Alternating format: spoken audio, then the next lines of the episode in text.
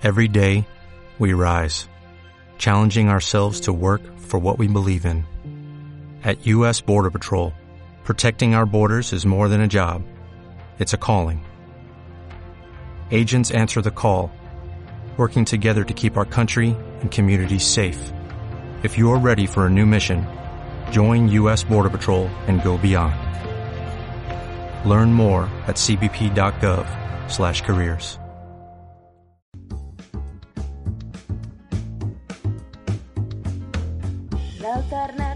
ja arriba. Idees noves ocupen la ciutat. Esteu escoltant l'Alternativa, un programa de reflexió social des d'una perspectiva feminista. Jo sóc la Irene Margalef i m'acompanyen l'Alba Cartanyà i l'Ariadna Martínez. I venim a revisar tot allò que ens han ensenyat a donar per fet. Inconformistes que esteu entre la gent. Portes valentes juntes serem revolució. Tancant tabús i obrint camins que avui ja no ens fan cap por. Noies, s'apropa l'estiu i això és sinònim de bon temps, alegria, platja, piscina, sortir més al carrer, fer més plans i, no sé, en general és com, com que hi ha un altre ambient, no? Sí, però això sí. també comporta coses... Eh... No tan bones. Exacte. Mm, exacte, d'això parlarem avui, de fet, perquè si girem i mirem l'altra cara de la moneda, també és el moment en què surten a la llum tots els mandats estètics d'una forma més bèstia. Sí, totalment. O sigui, resulta que hem d'estar super impecables, ben depilades... Estar morenes, mm. fer bona olor, tenir la pell hidratada... Sí, sí. Ah, i estar primes. Això és el més important. Que aquí ja també podríem parlar de què que es considera estar o no estar prima, però bueno.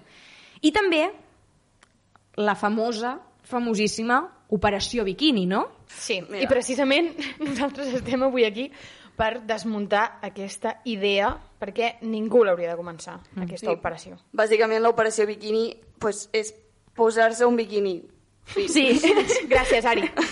Primer pas, tenir un cos, segon pas, posar-te el biquini. biquini. I després vas el que et dona la gana. Exacte. Però sí que és veritat que bueno, estem en una època, o estem a punt de començar una època de l'any on fa més calor, això també implica doncs, que ensenyem parts del nostre cos que a l'hivern eh, acostumen a estar cobertes per motius mm. obvis i això també fa doncs, que florin a, a més, a unes inseguretats sobre els nostres cossos, no? Sí, i a més a més, aquestes inseguretats es poden fer més recurrents, més, mm, més greus, diguéssim, i poden derivar en, en trastorns de la conducta alimentària i precisament de tot això, no? del que deies tu, de l'altra cara de l'estiu, és el que volem parlar avui a l'alternativa. Sí, exacte, i no, no ho farem només nosaltres tres soles. Avui comptem amb dues convidades. Per una banda, eh, parlarem amb la Laura Fernández, que és psicòloga especialitzada en TCAs i, a més, és la responsable del Servei d'Atenció a les Famílies de CAP, que és la- l'Associació contra l'Anorèxia i la Bulímia. I després, per altra banda, parlarem amb la Cinta Tort Cartró, que és més coneguda com a Zinteta, i que és activista feminista i, bueno, la seva obra d'alguna manera està centrada en, en els nostres cossos com, com a element central, no? que Com a- treballa entorn de- de- d'aquesta concepció que tenim del cos. Bueno, això ja ho parlarem amb ella. Sí, com a no. Si no comencem aquí a especular.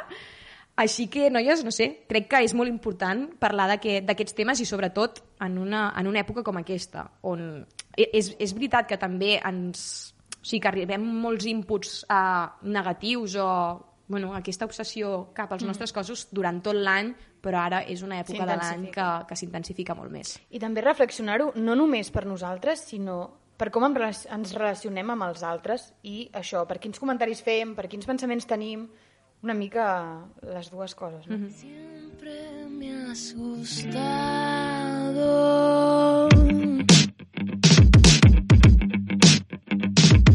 Desde que naciste.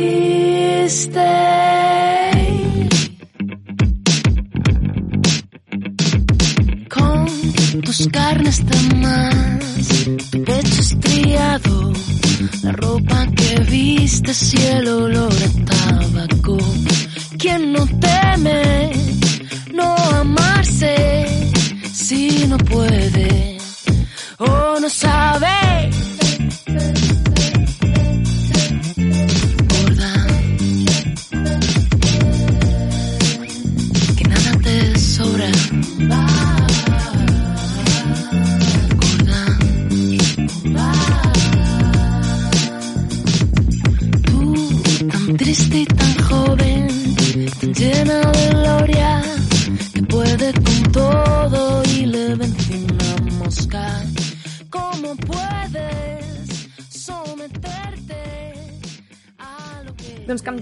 Avançat al programa, d'avui comptem amb la veu de Laura Fernández, que és psicòloga especialitzada en trastorns de la conducta alimentària i, a més, també responsable del Servei d'Atenció a les Famílies de l'Associació contra l'Anorèxia i la Bulímia.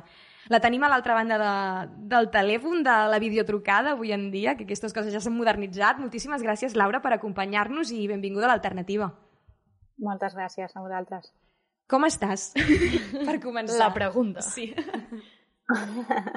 Bé, bé, estem bé, enfeinats, estem bastant enfeinats a l'associació. De fet, a l'inici del programa parlàvem una mica de- d'això, de, de l'estiu, de, de totes aquestes, aquests inputs que estem rebent, potser pel fet de que estem canviant, estem anant a una estació on canviem de roba, on se'ns veuen més parts del nostre cos, on totes aquestes exigències estètiques vulguis, vulguis o no, d'alguna manera són com encara més latents. I nosaltres et volíem començar preguntant si creus que és un moment de l'any especialment delicat. Bé, eh, malauradament en, en el trastorn de la conducta alimentària no hi ha moment, no hi ha gènere, no hi ha edat, no hi ha res que sigui causa-conseqüència, però sí que evidentment a, al bon temps no? té moltes coses bones, però també implica que persones que siguin vulnerables a patir aquest problema doncs, es vegin una mica bueno, impactades, no? Estem més rodejats en aquesta època de l'any doncs, de l'operació biquini, de posar-nos a dieta, no? de cossos amb determinada roba, hem d'ensenyar més el cos, no? el canvi de vestuari implica mostrar més el cos i això fa que, clar, si hi ha una persona vulnerable a patir aquest trastorn o que està una miqueta preocupada per la seva imatge corporal, doncs tot això no? li, li impliqui tenir més angoixa. Aleshores, en persones vulnerables sí que seria un moment complicat, no? Nosaltres, Com... Mm -hmm. al principi, eh, parlàvem de la maleïda operació biquini que ara acabes de mencionar. Eh, ha fet molt de mal, no?, aquesta expressió i totes les idees que té darrere. Sí, sí ha, fet, ha fet molt de mal i, i no deixa de ser un, una idea no? de, de la indústria de la moda i la indústria alimentària no? per, per normalitzar que en aquesta època de l'any doncs, bueno, no? tots hem de fer dieta i fins i tot és normal no sentir-nos a gust amb alguna part del cos, no? És normal que escoltis més frases al gimnàs de l'estil, doncs, vinga que vaig tard, o, o vinga que he de preparar el cos per anar a l'estiu, no? El cos no s'ha no, no de preparar, és a dir, el cos s'ha de cuidar tot l'any, no? no? No és algo que sigui estacional, però sí que és cert que, clar, això que heu comentat vosaltres, que amb el bon temps, els plans d'estiu, doncs moltes vegades impliquen més aquesta exposició al cos, i per tant, clar, si partim d'una persona que ja de per si pateix pel, per la seva imatge corporal perquè no se sent a gust amb el seu cos o que té una autoestima més baixeta, doncs poden ser moments delicats, no? De fet, seria un indicador. Si una família o algú del vostre entorn, un amic o una amiga, veieu que de cop i volta doncs, ja no li ve de gust fer aquest tipus de plans o els evita, o evita plans o moments on ha de mostrar el cos, no? anar de colònies, anar de piscina, anar de vacances, anar a un viatge, no? Uh -huh. uh, fins i tot fer mm, doncs, eh, trobades que impliquin menjar, també seria l'altre tema, doncs seria una, una senyal d'alarma, no? que nosaltres diem sempre tant a les famílies com al personal docent. És una senyal d'alarma i ara a l'estiu doncs, es fa més visible. Per tant, és important que les persones la coneguin per estar alerta. Uh -huh. Eh, ara estem parlant, una mica hem començat a parlar sobre l'obsessió amb el cos uh -huh. eh, i que també va lligada doncs, amb, aquests, amb trastorns de la conducta alimentària uh -huh. i abans de seguir aprofundint en, en tot això eh, estaria bé doncs, definir què és aquest, això, els trastorns de la conducta alimentària. Sí, sí, està molt bé que pregunteu perquè sembla que tothom els conegui però no són, no, no, no sabem moltes vegades exactament què són, no? Uh -huh. Bé, són el, els trastorns de la conducta alimentària són malalties mentals, eh? són, són malalties diagnosticades, és a dir, problemes psicològics, on diguem que el que hi ha és, és una alteració no? del, del pensament, de les emocions de la persona, no? i també de la manera d'actuar. En aquesta manera d'actuar el que és molt, molt característic és que es creen conductes alterades en relació amb la conducta alimentària o bé amb el cos, no? Uh -huh. Però eh, és important entendre que la conducta alimentària, el trastorn de la conducta alimentària, aquesta conducta alimentària és només la punteta de l'iceberg. Mm. A sota de, de, de tot aquest problema doncs, hi ha doncs, una autoestima molt baixeta, no? una imatge corporal negativa, no? que aquesta pressió social que vosaltres comenteu mm -hmm. seria un factor de risc. No? Eh, hi ha trets de personalitat, hi ha molts factors. Però bàsicament per entendre'n seria això, un, un trastorn mental no? on s'altera pensament, emoció i conducta i que aquesta conducta acaba relacionant-se d'una manera molt patològica en relació amb l'alimentació i el cos. Mm -hmm. I on és la línia, diguéssim, que... És a dir, com podem diferenciar el fet d'estar com obsessionades en aprimar-nos o tenir una obsessió amb el nostre cos o, o moltes inseguretats amb un diagnòstic clar de TCA, diguéssim? Hmm.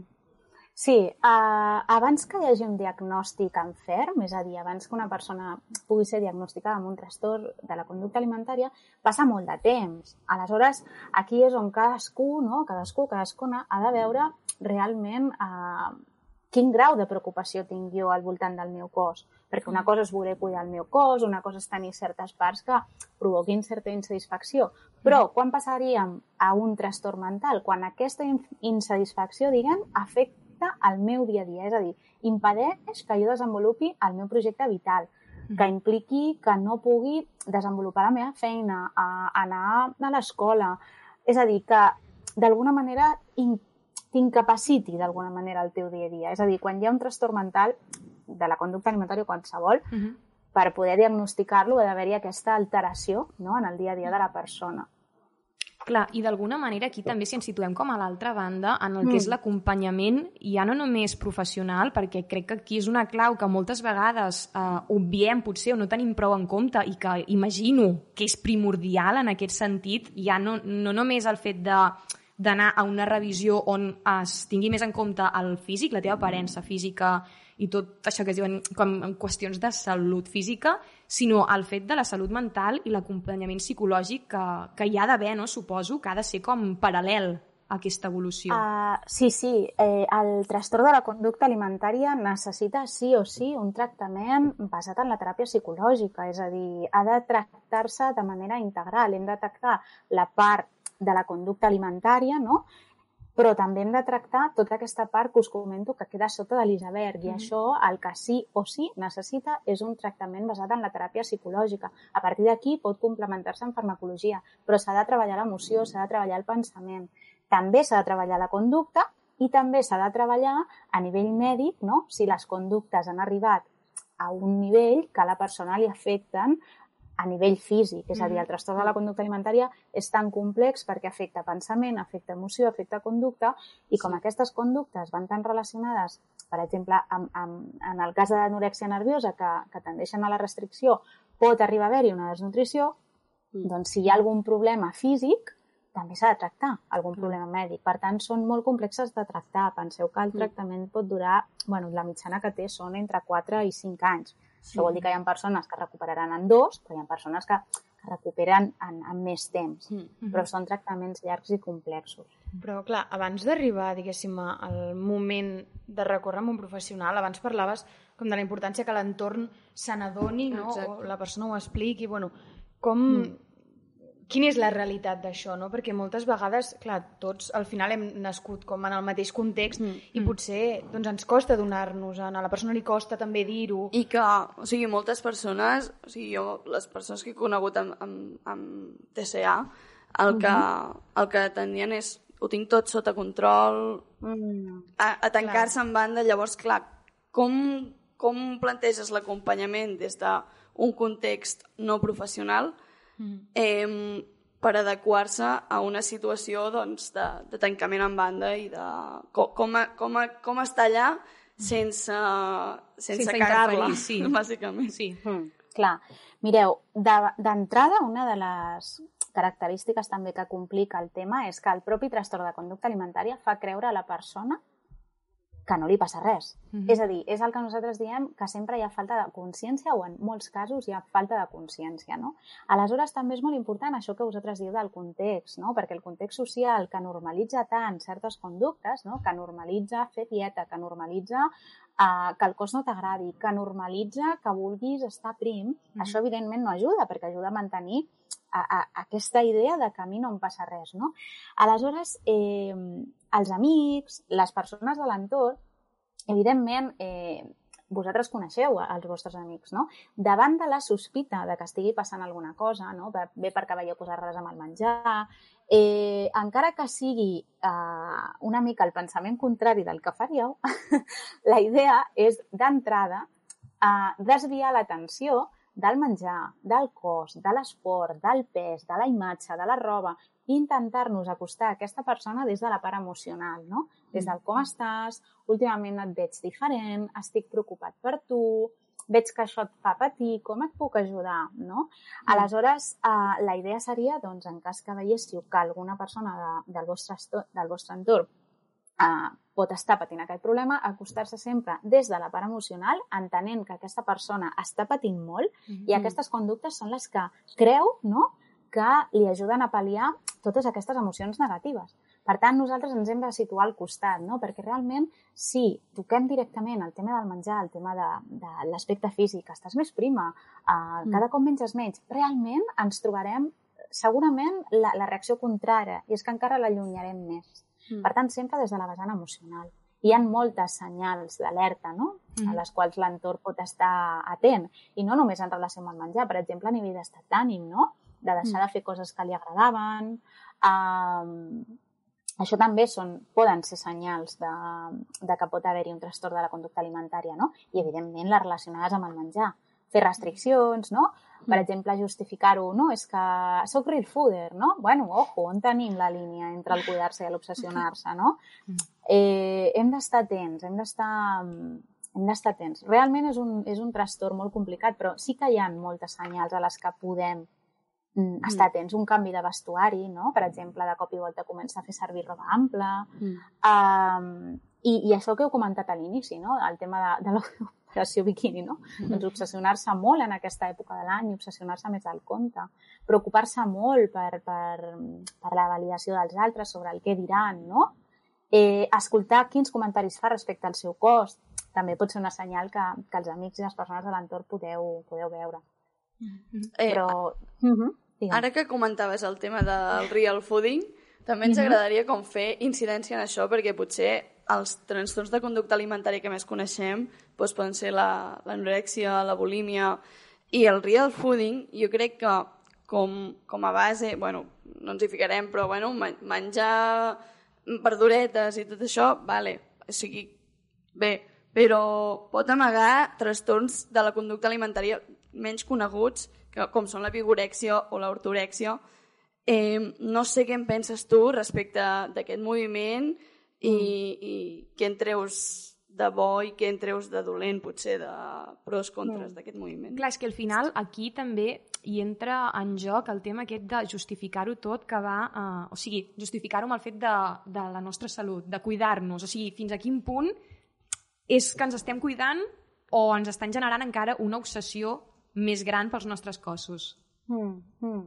Sí, perquè uh, la línia, o sigui, aquesta línia és, és, és més prima del que de vegades sí. podem pensar, no? La mm. línia del jo m'estic cuidant a la línia de, ojo, que m'estic obsessionant, no? Perquè el tema del real food, eh, bueno, uh, si una persona comença de cop i volta a fer un canvi alimentari, no? i ara molt concretament basat en el tema del real fooding, no vol dir, evidentment, que totes les persones que optin per aquesta alternativa desenvolupin un trastorn de conducta alimentària, però en persones vulnerables podria ser una via d'entrada, no? Primera i principal perquè, clar, comencen a fer restriccions, comencen a acotar cada vegada més mm.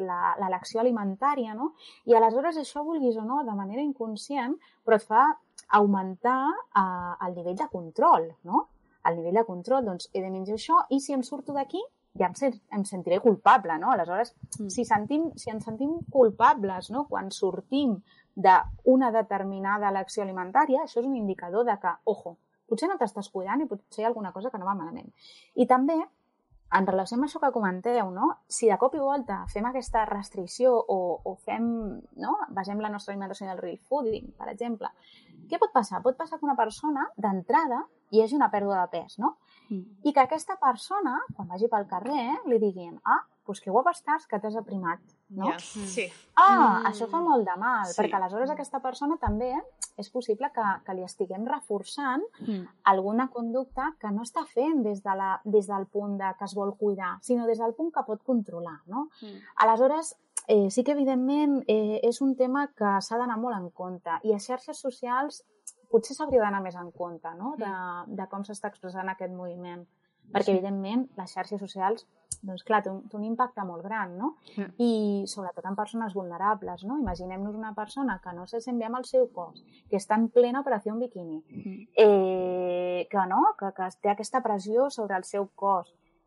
Bueno, eh, potser el, el, el real fooding no, eh, pot generar-li doncs, aquest, aquest patró més obsessiu, no? I, evidentment, això no, no ajudarà, sinó que serà perillós, perquè pot ser la via d'entrada per desenvolupar un trastorn de la conducta alimentària. Evidentment, mm, és com el tema de fer dieta, no? Totes les persones que fan dieta tindran un trastorn de la conducta alimentària? No. Però pràcticament totes les persones que tenen un trastorn de la conducta alimentària en algun moment de la seva vida han fet dieta. Sí. Aleshores s'ha d'anar en compte, molt en compte amb, amb, amb aquests temes. No? Jo, eh, bueno, és, és una elecció menjar eh, no, el moviment real food sempre i quan aquesta elecció es faci des d'un pensament sa, no Sí. des d'un pensament malalt.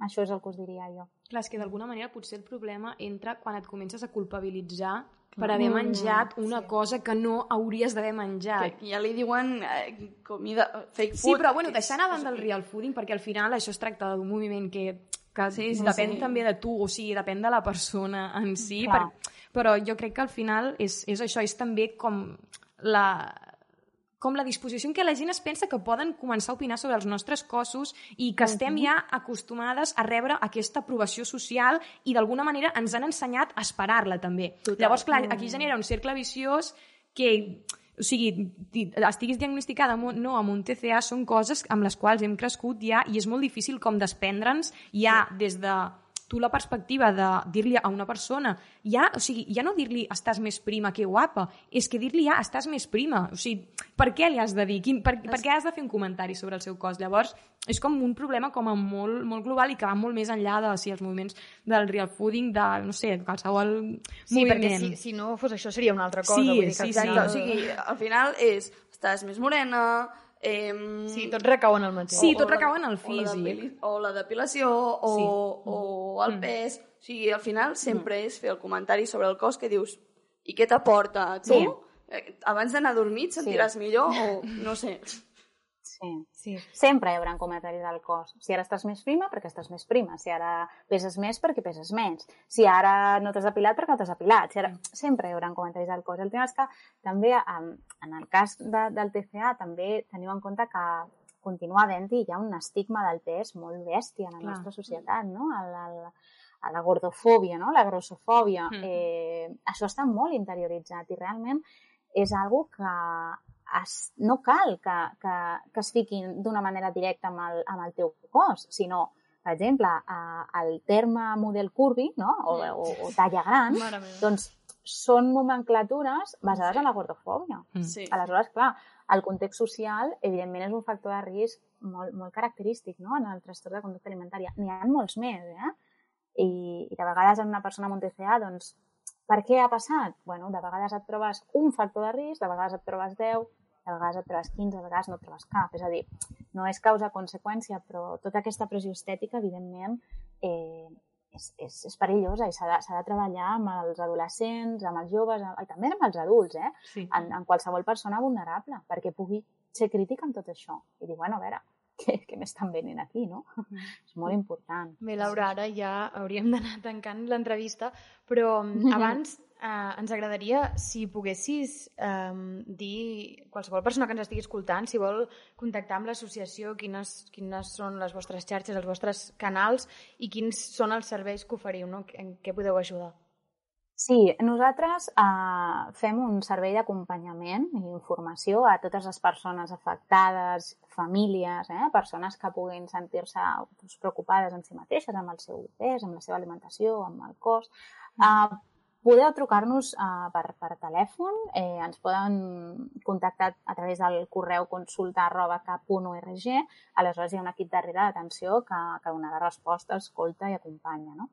Eh, a nivell de xarxes socials, doncs, bueno, estem a Twitter, estem a Instagram, a Cap Catalunya, bastant mm. senzillet, també ens mm. poden trobar. I, I bé, nosaltres doncs, principalment ens dediquem a donar banda ajuda a les persones que es troben aquest problema i d'altra banda també a, a, a lluitar, no? a lluitar per, per algun canvi social, no? perquè, perquè es faci prevenció sobre, sobre aquesta malaltia a les escoles, des de casa, no? també lluitem i, i lluitem també per canviar algunes cosetes, no? però realment, com podeu comprendre, és, és bastant complex el tema, no? Hi ha molta feina encara per canviar. Sí. Mm. Doncs ara sí, ja que acabem, Laura Fernández, uh -huh. psicòloga especialitzada en trastorns de la conducta alimentària i responsable del Servei d'Atenció a les Famílies de l'Associació contra l'Anorèxia i la Bulímia. Moltíssimes gràcies per acompanyar-nos, per compartir aquest temps amb nosaltres i també gràcies per tota la feinada que feu. Gràcies a vosaltres, un plaer. Adéu, Adéu. gràcies. Adéu. Vivo con un alma grande, rellena de errores, cubierta de veces envidio lo que otros ya tienen, porque es un mal vicio.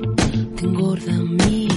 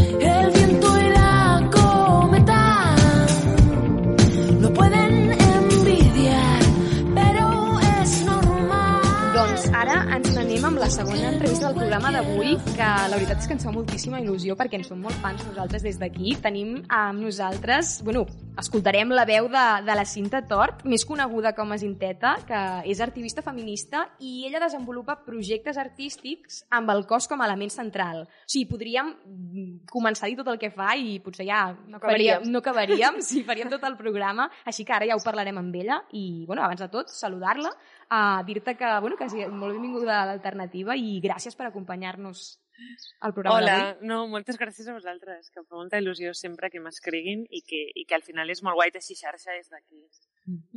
Sí, nosaltres volem començar preguntant-te com estàs. Doncs, eh, ara mateix et diria, estic molt cansada. Nosaltres també. Sí, sí, no? En plan, com que la calor, en plan, la feina, no? Com de tot això és com que, uau, es nota molt que ha vingut la calor de cop i no estic preparada, o sigui, com que no he estat preparada, no? Físicament ni mentalment per abordar tot això. Però també tinc moltes ganes de l'estiu perquè sento que és un moment de bastant descans mental o així el projecto, llavors com motivada amb el que vingui en aquest sentit, no? Llavors, però sí, sí, sí, estic cansada físicament però motivada amb tot el que ve. Precisament, fa uns dies vas posar un tuit on feies un recordatori a, a tothom que et segueixi, que et llegís, que no passa res si et sents insegura amb el teu cos i bueno, que és totalment vàlid el procés que puguis estar visquent amb ell perquè ara estem en una època on estem molt més exposades, on hi ha la famosa operació biquini, i recalcaves Exacte. que són Mhm. validíssimes, uh, Mhm. sigui l'època de l'any que sigui, ens sentim com ens sentim amb Exacte. els nostres cossos, no? Exacte, sí, sí. O sigui, sí, o sigui, és que a mi em sembla molt important fer la punt de dir, ell ve un moment de molta vulnerabilitat, molta exposició, Mm. eh, no? i ve un moment que et diuen també, suda de todo, no? Mm. Però és com, bueno, sí, però no és tan fàcil, no? Sí. Per tant, no passa res allà on estiguis, és molt procés el que... O sigui, és molt vàlid el, que estigui, el procés que estiguis visquent, Mhm. sí? Per tant, permeta't des d'allà. Sí? És a dir, que a vegades hi ha molta aquesta pressió com has de, no? T'has d'estimar, has de passar... Sí, ok, però no és tan fàcil com sembla a vegades, no? Per tant, estiguis on estiguis, està bé. Sí? Llavors, sí. treballa des d'allà. Llavors, em sembla molt important cuidar-nos col·lectivament des d'aquí, no? des del punt de dir cada persona té el seu ritme, el seu procés, i és important l'abraçada col·lectiva perquè el procés sigui més fàcil i menys pesat. De fet, eh, aquest procés que, que comentes ara, tu també d'alguna manera el transmets amb el teu llibre Habitar mi cuerpo, que nosaltres el tenim aquí, que, bueno, que no només explica la teva història, sinó que també està ple d'il·lustracions que, bueno, que, uh -huh. que l'acompanyen i que d'alguna manera doncs, posen, posen imatges a, a tot allò que estàs explicant, no? Què Clar, va suposar sí, per sí. tu el fet d'escriure aquest, aquest llibre i de- d'il·lustrar-lo? Uh -huh. A mi, la veritat que ara m'ho miro perquè just ara fa dos anys l'estava fent, Uh -huh. que sortia a la tardor, i per mi va ser... Eh, ara, a, a vegades molt em passa amb el llibre que em genera certs rebutjos, suposo perquè artísticament estic en un altre punt i Mm, mm. també tots mm. són processos, no?, a nivell artístic i personal. Sí. Però per mi va ser molt útil com per tancar una etapa no mental de tot el treball que havia estat fent amb el cos Mhm. i tot aquell discurs i aquella necessitat comunicativa i necessitat de polititzar tot això tingués una forma física no? que, que tingués un format que pogués arribar a la gent i que aquest arribar generés algun impacte, algun poder de transformació i amb que una persona ja sentís un no estic sola, per mi ja era l'impacte, no? És com, si algú li ha servit, ja m'és útil en aquest sentit, Mhm. no? I per mi això és com superimportant, no? El dir, eh, ei, aquesta història que és molt personal al final, que és molt meva, no? que és molt íntima, al final no deixa de ser una intimitat molt compartida, no? Sí. I, i que, que, no sé, em sembla molt important nombrar-la i donar-li un espai. Sí, sí. Sí, arrel de- d'això que dius, és a dir, com és l'inici de... Tu acabes amb aquest llibre, però l'inici de començar a teixir com una relació sana amb el Mhm. propi cos Mhm. dintre de la, de la cultura que, que Mhm. tenim in- integrada, Mhm. Mhm. com, Mhm. com comença?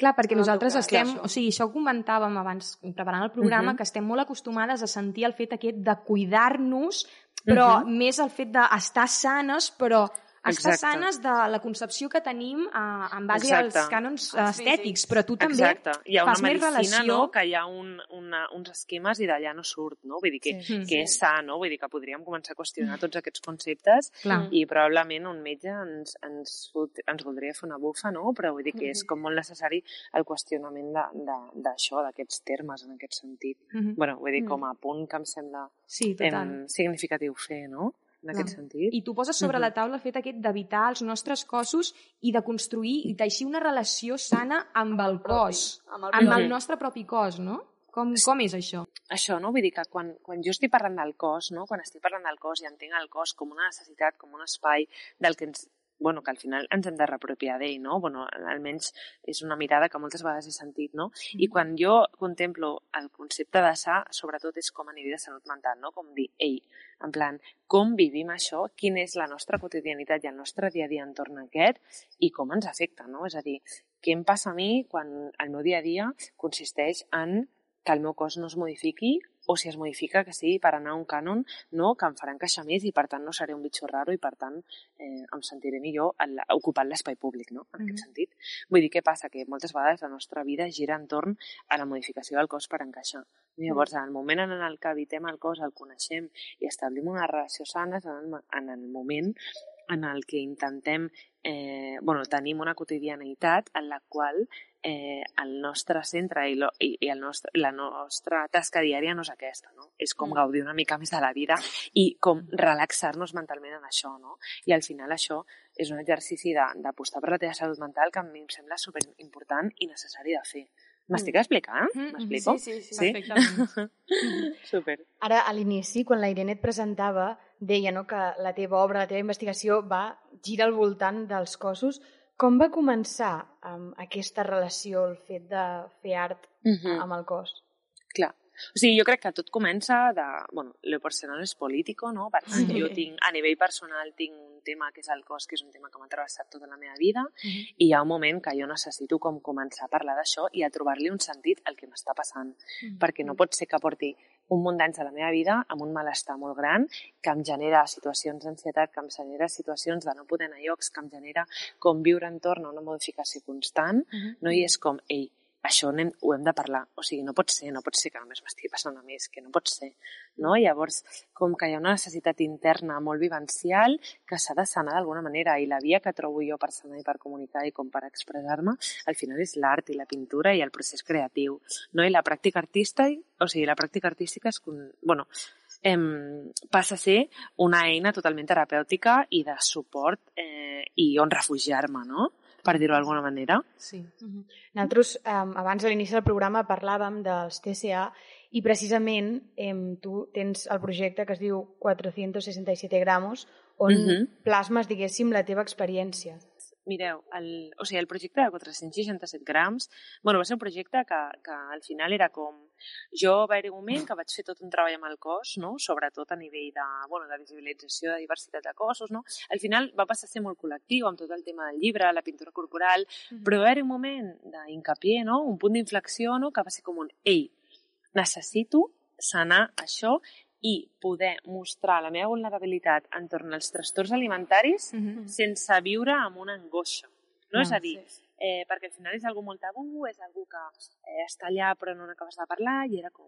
A mi m'han passat coses i necessito abordar això, necessito eh, sanar-ho d'alguna manera. I va néixer aquest projecte, com altres projectes, bueno, de fet hi ha un que porto un any treballant-hi i algun mm. dia sortirà, no? Mm -hmm. Però al final és com un projecte que t'està mostrant un acte de quotidianitat molt cru, molt dur, una cosa que, és, que realment és molt bèstia, no? però al final que penso que cal, que cal nombrar, perquè aquest mm. nombrament tingui un canvi, tingui un impacte, no? sempre des d'una mirada de dir, no de victimització per res, sinó de, de lluita i de visibilitat i de dir, mm. ei, no? En plan, anem a, a que tot això que estem, que estem vivint, que no quedi en una cosa només de nosaltres que sigui nostra i que siguem les responsables a sobre del que estem vivint quan realment es tracta d'una cosa sistèmica, no? I és a dir, prou, no? És a dir, o sigui, estic enfadada, no? En aquest sentit, i és com necessito com poder parlar d'això.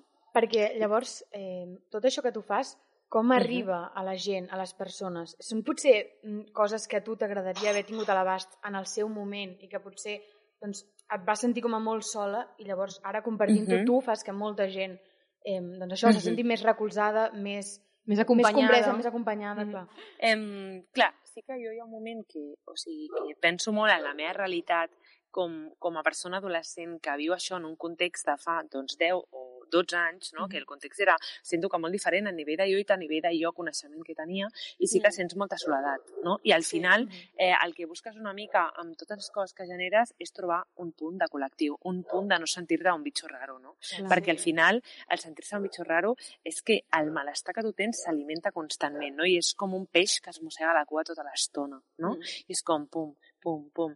I al final jo sempre dic, o sigui, la intenció dels meus projectes hi ha una part, i és purament una part, que és eh, una part de, de jo poder eh, sanar amb això. No? Uh -huh. Que el que jo faci tinc un procés eh, terapèutic i un procés que sigui per mi, que al final això sigui per mi, però alhora aquest per mi no, no deixa de ser una cosa individual que és alhora eh, col·lectiva, no? perquè és una realitat que no només m'atrevessa a mi. No? I en el moment en el que passa col·lectiu, que això tingui un impacte, no? que la gent almenys digui hòstia, no? Mm. I de fet, quan vaig llançar 467 grams o a Meditar mi cuerpo, mm -hmm. a mi la gent m'escriu i és molt fort, no? Mm. El riu, hòstia, jo també he viscut això, a mi m'ha passat. En plan, i ara em sento menys, menys sola, no? Mm. I és molt heavy, tio. Mm. O sigui, a mi és una que, de fet, em costa molt de creure, el riu, hòstia, tio, que això ha tingut tot impacte, això ha tingut tot impacte, no? Mm. Però, però al final penso, i això em porta molt a reflexionar sobre la necessitat que tenim de trobar-nos, mm. de trobar-nos físicament i de cuidar-nos i de juntar-nos un dia a S10 i estar parlant, no? i estar compartint la sí. nostra quotidianitat amb, amb els trastorns o la nostra quotidianitat amb el malestar amb el cos i que sí, que potser no estaré una mani no? amb boles allà reivindicant-me, però això que estaré mm. fent també serà polític, no? perquè s'ha d'estar cuidant-me i, i m'estaré juntant amb gent i, i, i en un sistema que no ens han permès mai fer això, fer això és, bueno, des del meu punt de vista és, és molt trencador, no? Mm. Sí, totalment. Per això que comentes, eh, les xarxes socials, doncs, en el context uh -huh. que vivim, són superimportants i han servit, uh -huh. doncs, com a eina d'això, de, d'empoderament, de, uh -huh. de trobar-se uh -huh. molt fàcilment amb, amb gent uh -huh. que, que viu les mateixes uh -huh. realitats, però a la vegada, no, o sigui, té aquesta vessant que és molt bona i que uh -huh. jo vull destacar, uh -huh i a la, a la vegada també té una vessant una mica de arma de doble... Xunga. de, Clar, de una doble fil. xunga. Pot ser molt Sí. perillosa. Perquè, clar, o sigui, Mhm. també hi ha la vessant de gent que, que no coincideix amb tu, que és ofensiva, Exacte. que, que pengen memes, que ridiculitzen, que Exacte. se centren en el cos d'una manera Mhm. ridícula. Sí, sí. Bueno, i la- i l'exposició... O sigui, al final, les xarxes socials és el món real en una era virtual, o sigui, com en una bombolla virtual. Llavors, al final hi ha una reproducció de canons constants, hi ha Mm. tota una sèrie de coses que passen el dia a dia quan vas pel carrer i que estan a la xarxa i, Mm. i hi són. I que està molt bé perquè tu segueixes, bueno, sigues a muchos perfiles com mola pam, pam, pam, però t'estàs creant la teva bombolla i el que tu vols veure de xarxa. Vull dir, Exacte. però a la xarxa hi ha molta merda. Mm. I, no? I, I és com, què hem de fer amb això? No? Mm. Com, què què s'està fent amb això? Quins són els referents dels nostres joves, dels adolescents? A qui segueixen? No? Quin discurs promouen? No? Què passa amb els cossos? Vull dir que, que no mola tant la xarxa, si vas indagant, no? Mm. O sigui, sí que ha fet, a mi, per exemple, m'ha ajudat molt, sobretot a crear xarxa de suport, sobretot a, a, en moltes coses, però que, que no oblidem que és un espai que, que queda molta feina per fer, vull dir que, no? que a vegades és com, ei, penya, no? Sí.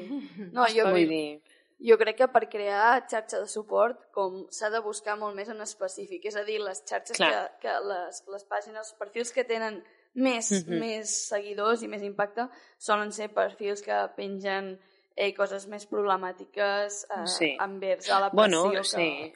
I que- bueno, que al final Instagram i les xarxes socials són una, són una eina molt vinculada al sistema capitalista de fer Mm. pasta i amb uns interessos econòmics, socials i de control. No? I per tant, eh, Instagram no? mai serà, no? mai, mai promourà eh, stop gordofòbia, no? per dir-ho d'alguna Mm, manera, en mhm. aquest sentit. Vull dir, i Clar. ja veiem què passa quan algú lluita contra això, no? Com se la veta, no? Com, com se li prohibeix publicació de cert contingut. Sí. Sí. Sí, sí. Clar, i d'alguna manera, jo ara al principi del programa que comentàvem en el tuit que, aquest que, que vas fer sobre bueno, això de Mhm. remarcar i recordar-nos Mhm. que els nostres cossos són vàlids, el poso, o sigui, el comparo amb, amb un correu que vaig rebre fa unes setmanes, que era un Vale. anunci, que recordo que el, com el motiu del correu hi posava que s'apropava l'estiu. Jo vaig pensar, mira, doncs serà promoció d'una crema solar o alguna moguda, cosa. No? Obro i era una crema que et posaves després de fer esport per reduir la cel·lulitis. Clar, és que això, això és top. 10, vull dir, això Que és top bé. 10. Somatolina Cosmetic, que en su momento fue muy famoso, clar, vull dir, Sí. és que és com produc... O sigui, to- o sigui tota l'estona és modifica això, perquè el que tu tens no està bé, per tant Mm. has de modificar-ho, perquè si tu ho modifiques seràs feliç i tindràs èxit a la vida. Llavors tot és vinculació, Mm. no? Per tant, tenir èxit que implica reconeixement social, reconeixement laboral, no? Mm. Vull dir, són tota una sèrie de factors, per tant, tu tens èxit, tu tens pasta i tot s'alimenta, no?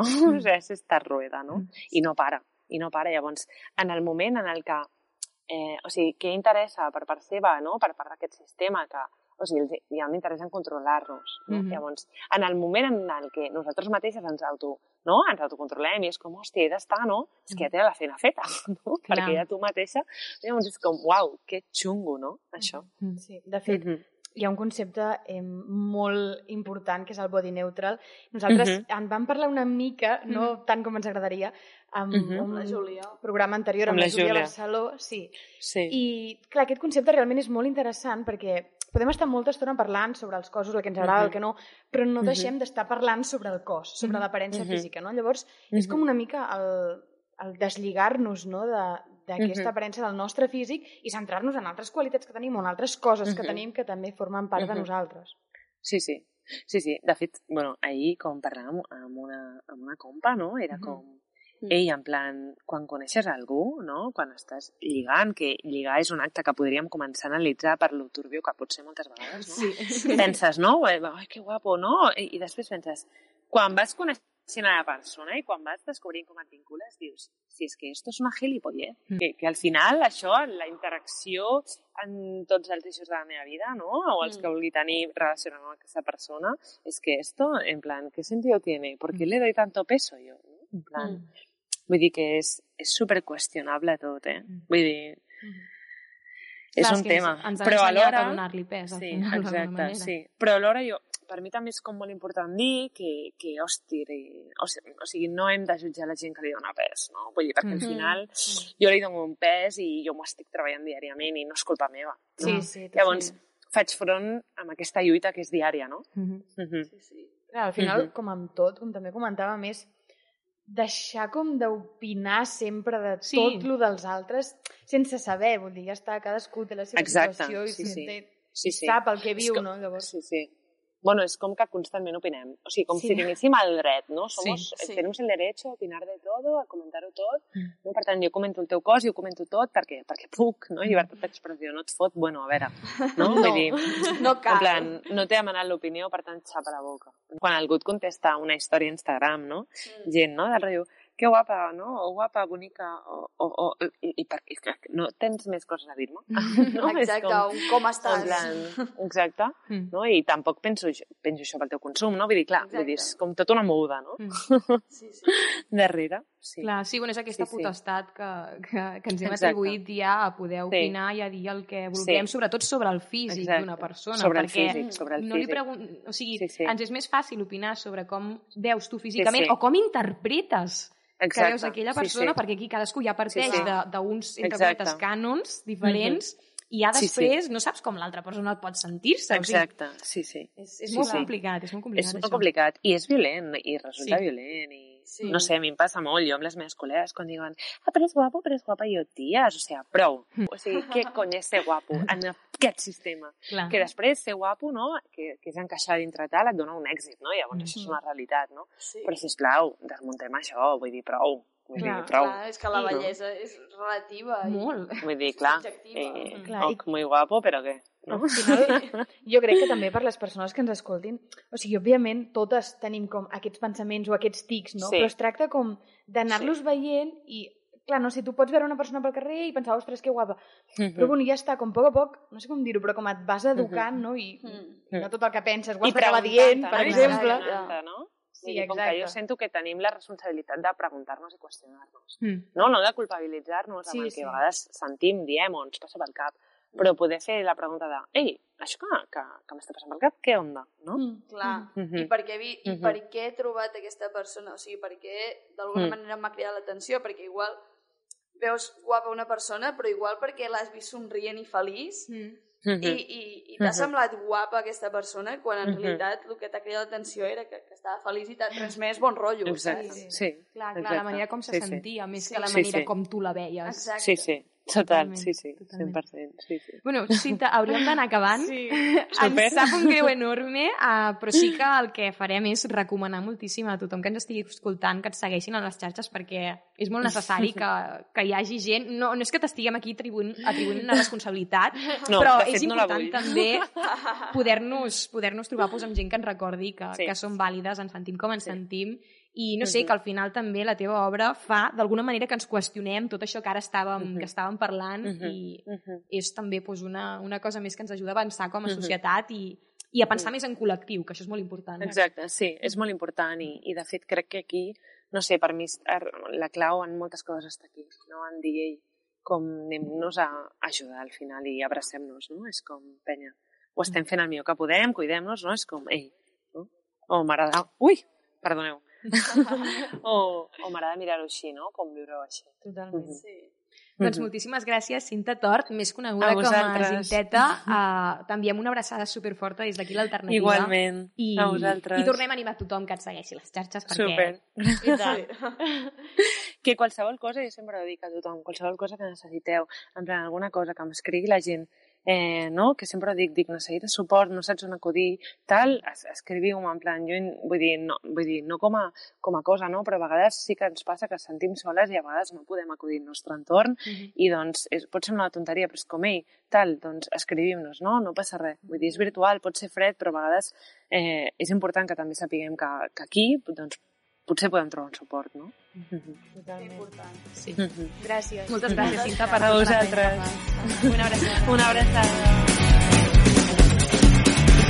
El mundo es más alto de lo que yo pensaba. Si respiras fuerte, no te crecen alas. Y además, te puedes intoxicar. Casi era de mi jardín aquella extraña bruma, macetas de pulguitas que me chupan, remordimientos, ansiedades y más culpa. No te temo disfrazarme fumando cápsulas de goma, yo no soy una chica normal, no. Yo como entre horas el sabor de salva. ¿Crees que estigui escoltant, eh, doncs ja farem amb el seu procés de, valgui la redundància, processar tot el que hem dit. Però jo personalment em quedo amb això últim que hem comentat d'enfortir aquestes xarxes eh, més col·lectives, aquestes xarxes de cures i donar molta importància a la relació que tenim amb el nostre cos i amb el nostre entorn, que al final, no sé, és el que també ens empeny dia a dia, no? Sí, no, Sí. sobretot la relació amb el, amb el propi cos. Clar, i al final també el que remarcava ella, que ens trobem en el punt que ens trobem, que està bé i està guai, vull dir, no posar-nos com pressió extra de no he de sentir això, no he de pensar això, simplement com anar-ho treballant i anar com en aquest camí de, de, de construir potser aquesta relació tan tòxica que fins ara hem tingut amb els nostres cossos i amb els cossos dels altres. Sí, Exacte. potser ens fa falta aprendre a fluir d'alguna manera i, i no jutjar-nos tant, perquè ho estem fent contínuament i Exacte, i Ja també, també us animem, jo crec, a buscar més informació sobre el body neutral, perquè mm. realment és un terme molt interessant Mm. i que suposa com un canvi de perspectiva o de mirada Sí. que, que està molt bé. Posem de moda el body neutral i, obri, i oblidem ja les modes... Operació biquini. Sí, sí, sisplau. sisplau. Jo crec que l'alternativa ve a dir que posem ja uh, aquest tema sobre la taula. És molt important. Nosaltres ens l'estem ja intentant aplicar dia a dia i, i bueno, cadascú al seu temps i, i quan se senti preparat, però jo crec que és molt important tenir-ho en compte. Noies, moltíssimes gràcies per acompanyar-me un dia més. I avui hem estat escoltant la Road Ramos, que us la recomanem. És una crac. Sí. Sí. I ja per acabar, tal com diu la Marxa Mundial de les Dones, fins que totes siguem lliures. Moltes gràcies per acompanyar-nos i fins al proper programa. Adéu. L'alternativa ja ha arribat. Idees noves ocupen la ciutat. L'alternativa ja és aquí. I ve disposada a escriure un nou destí. Passeu el puny, obriu la ment. Inconformistes que esteu entre la gent. Portes valentes juntes serem revolució. Tancant tabús i obrint camins que avui